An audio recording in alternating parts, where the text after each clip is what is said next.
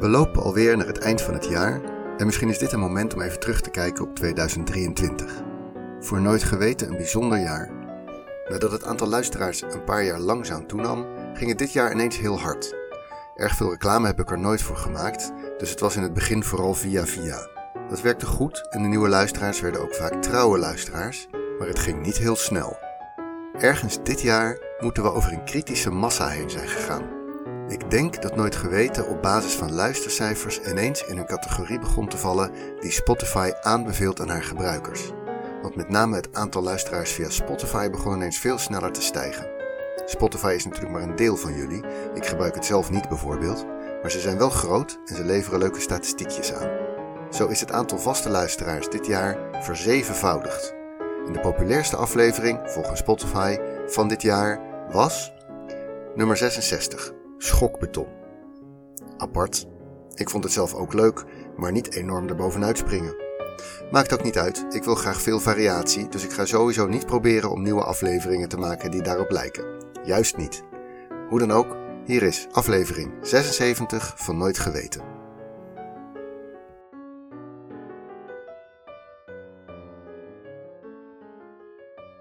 Aan de zuidkant van Turkije Helemaal langs de Middellandse zeekust naar het oosten loopt een lange bergketen, het Taurusgebergte. Het is een lange keten met bergen tot ongeveer 4000 meter hoog en het rijst als een soort muur op boven de vlakte ten zuiden ervan. Door die steile muur valt er in het Taurusgebergte behoorlijk veel regen.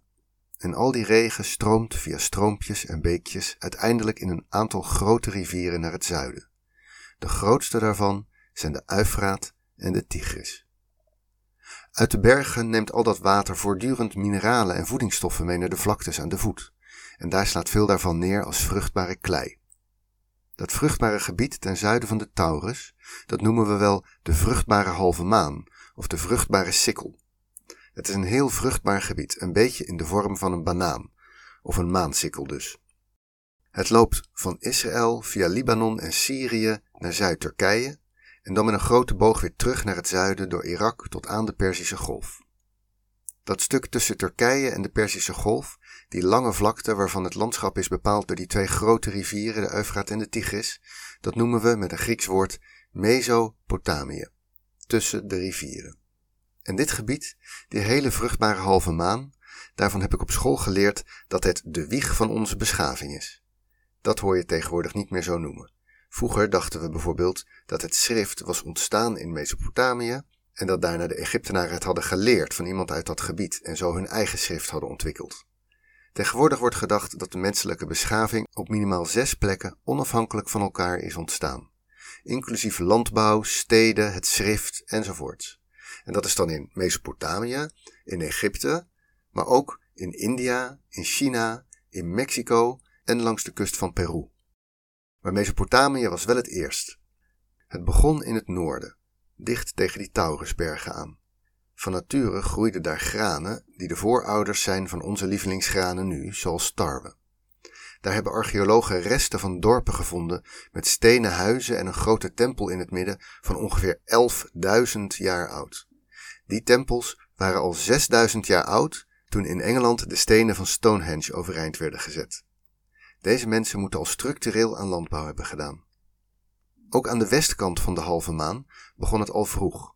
In Jericho, nu een Palestijnse stad op de Westbank, daar zijn de resten van stenen huizen opgegraven uit ongeveer diezelfde tijd en zelfs stadsmuren en torens. In een tijd dat de ijskappen in Europa nog maar net gesmolten waren en er nog grote hoeveelheden wolharige mammoeten rondliepen. In die tijd had je in de vruchtbare halve maan een beschaving met versterkte steden. En we weten van die mensen vrijwel niets, want schrijven, dat deden ze niet. Dat zou nog zeker 5000 jaar duren en gek genoeg ontstond dat heel ergens anders. Aan de verre zuidoostpunt van de halve maan, in het zuidelijkste puntje van Mesopotamië, daar moet het zijn gebeurd. Dat hele Mesopotamië kwam wat later tot bloei dan de rest van de halve maan. Dat had te maken met het klimaat. De grond was er heel vruchtbaar en er liepen die twee grote rivieren, dus op zich was er ook genoeg water, maar die rivieren waren onvoorspelbaar. Soms waren ze heel groot en overstroomden alles, en dan weer stonden ze een hele tijd droog. En niet in een jaarlijks ritme. Soms was er jarenlang geen water en dan weer te veel. We weten dat er in die tijd ook al landbouw werd gedaan in dat gebied, maar we kennen geen grotere nederzettingen of zelfs steden. Tot plotseling, ongeveer 7000 jaar geleden, helemaal in het zuiden van Mesopotamië een nieuwe cultuur opkwam. De Sumeriërs noemen wij ze. Ze moeten goed genoeg zijn geworden met watermanagement om dat grote vruchtbare gebied permanent te kunnen bewonen. Ze groeven lange kanalen om het water te verspreiden over het hele land. Waarschijnlijk legden ze ook voedselvoorraden aan om die langere droge periode te overleven. En daarvoor hadden ze administratie nodig. Het materiaal waar in Mesopotamië nooit gebrek aan was, was klei. En de Sumeriërs bedachten een manier om met een beetje natte klei en een rietstengel bij te houden wie er hoeveel graan in het pakhuis heeft ingeleverd. Ze maakten dan kleine tekeningetjes in de natte klei en lieten dat opdrogen. Uit die tekeningetjes ontwikkelde zich uiteindelijk het schrift dat wij een beetje neerbuigend spijkerschrift noemen. Het eerste schrift en ook het eerste alfabet.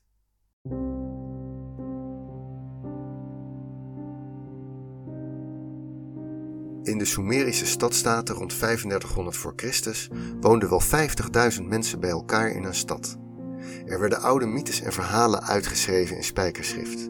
Er werden bibliotheken aangelegd. De wiskundigen van Sumerische steden zoals Uruk en Eridu konden niet alleen kruiken met graan tellen, ze ontwikkelden een volwaardig telsysteem gebaseerd op het getal 60. Het was een systeem waarbij de plek waar een symbool stond aangaf wat de waarde was, net als bij ons. De 2 geeft soms 2 weer, soms 20 en soms 200. De Romeinen hebben dat nooit doorgekregen. Dit was allemaal 500 à 1000 jaar voordat de Egyptenaren begonnen te schrijven en voordat ze hun eerste piramide bouwden. Op sommige afgelegen eilanden in Rusland en Alaska leefden op dat moment nog mammoeten.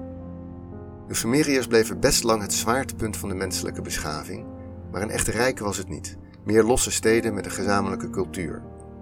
Toen de Akkadiërs het idee van een koninkrijk bedachten en een heleboel steden samenvoegden, toen was de tijd van de Sumeriërs voorbij.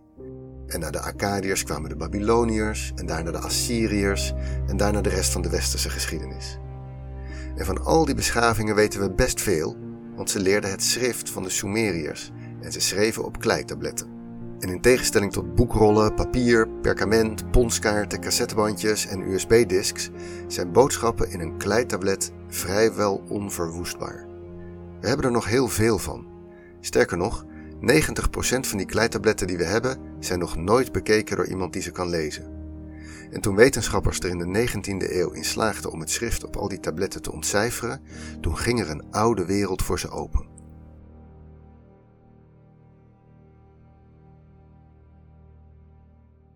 Ze begonnen natuurlijk niet met de oudste tabletten eerst. Ze begonnen met waar het meest van was. En dat waren de bibliotheken van de jongste cultuur, de Assyriërs. Dus ging het vakgebied van het bestuderen van kleitabletten met spijkerschrift Assyriologie heten.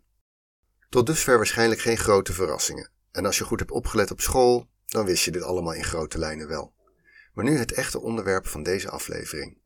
Er is iets dat het Sumerische probleem wordt genoemd. Wetenschappers werden steeds beter in het lezen van de tabletten, met name uit de Assyrische bibliotheek van Nineveh. Het is belangrijk om te beseffen dat die wetenschappers nog nooit van Sumeriërs hadden gehoord. Assyriërs en Babyloniërs, die kenden ze wel. Daarover werd gesproken in de Bijbel. Over koning Nebukadnessar bijvoorbeeld, die de Hebreeën in ballingschap meevoerde naar Babylon. Maar dat er in die regio ook vroegere beschavingen waren geweest, daarvan hadden ze geen idee. In al die tabletten konden ze verschillende talen onderscheiden, die allemaal tot de Semitische taalfamilie leken te horen. Dat is een grote familie van talen, net als het Indo-Europees. Nederlands, Italiaans, maar ook Perzisch en Hindi zijn allemaal Indo-Europese talen, en zo zijn Hebreeuws en Arabisch allebei Semitische talen. Net als het Aramees, de taal die Jezus sprak en waarin een deel van het Oude Testament is geschreven.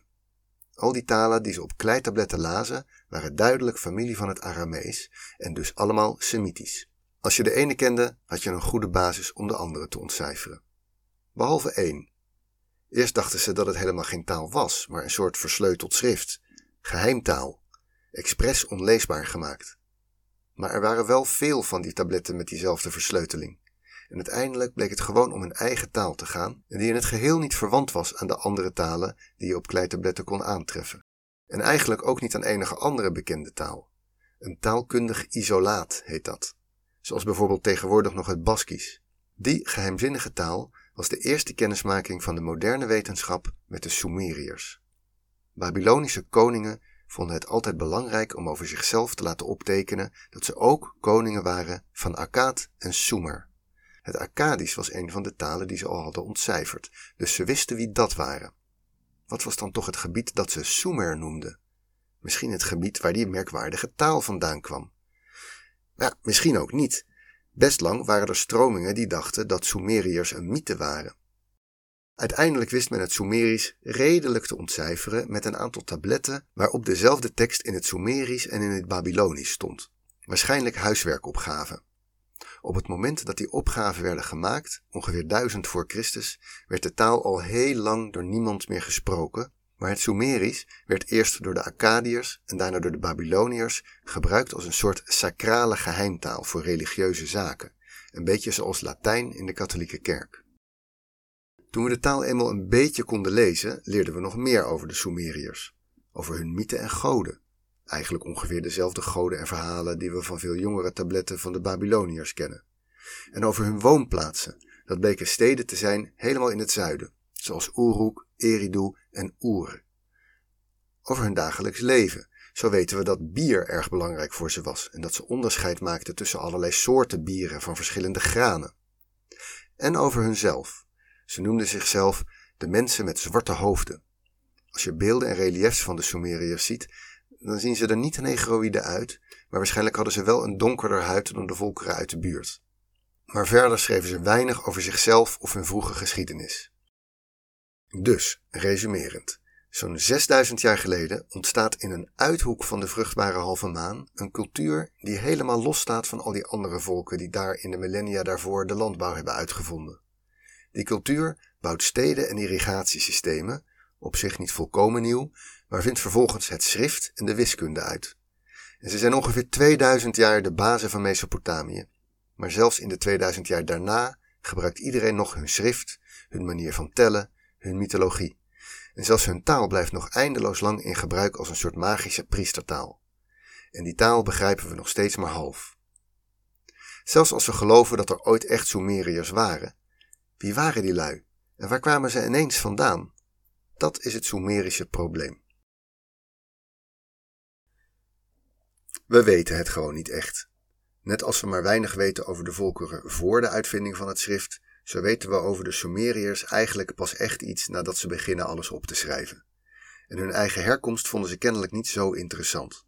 De rijkste bron die we hebben zijn al die mythes die komen natuurlijk ergens vandaan. En als je ze op de juiste manier leest, kan je uit mythes en godenverhalen dingen afleiden over de geschiedenis. Maar het wordt natuurlijk al snel speculatief. Ik vertel hier één theorie, omdat ik het een mooi verhaal vind en dat het recentelijk wat meer ondersteuning in bewijs heeft gekregen, maar er zijn dus meer theorieën. Goed, de Sumerische mythes dus. De belangrijkste daarvan ken je wel min of meer. Het is een scheppingsverhaal waarin koning Siutsura van een van de goden hoort dat er een verschrikkelijke zondvloed aan zit te komen en dat hij een grote boot moet bouwen om zichzelf en zijn naasten te redden. Van deze Sumerische mythe zijn maar een paar stukjes bewaard gebleven, maar we kennen een versie in veel meer detail in het Akkadisch. Daarin heet Siutsura anders, namelijk Ut-Napishtim, en zijn verhaal is onderdeel van het Gilgamesh-epos. Via de Akkadische versie kwam dat verhaal ook in het Babylonische Rijk en daar pikten de Joodse schrijvers van de boeken van de Torah het op. In Genesis, in de Bijbel, staat dit verhaal als het verhaal van Noach en zijn ark. Maar dit grijpt dus terug op een oud verhaal van de Sumeriërs over hoe zij terechtkwamen waar ze woonden. Per boot dus misschien, of op de vlucht voor het water. Er is nog een aanwijzing. In vrij recent onderzoek van ongeveer 15 jaar geleden is gevonden dat de vroege nederzettingen langs de Perzische Golf een interessant patroon hebben. Er zijn best veel resten gevonden van kleine kampementen van veel langer geleden, maar er is een moment aan te wijzen dat vrij plotseling er een heleboel nederzettingen bijkomen. Die zijn groter, meer permanent en hebben goed gebouwde stenen huizen, vondsten die op handel wijzen en er zijn zelfs boten gevonden. Dat moment waarop plotseling veel grotere en meer ontwikkelde nederzettingen verschenen, dat is rond 5500 voor Christus. En dat is een bijzonder moment. Dat is namelijk het moment dat na duizenden jaren de zeespiegel eindelijk stopte met stijgen. Tijdens de laatste ijstijd waren er op en rond de polen enorme ijskappen ontstaan. al dat water in de ijskappen was in de millennia daarvoor verdampt uit de zee, neergeslagen als sneeuw en blijven liggen. Daardoor stond de zeespiegel in die tijd 120 meter lager dan nu. Je kon vanuit Nederland lopen naar Groot-Brittannië. En waar nu de Noordzee ligt, daar was allemaal land. Doggerland zeggen we tegenwoordig, naar de Doggersbank die daar ligt. En dat was natuurlijk over de hele wereld gebeurd. De Perzische Golf is helemaal niet zo diep. Dus tijdens de ijstijd lag dat allemaal droog.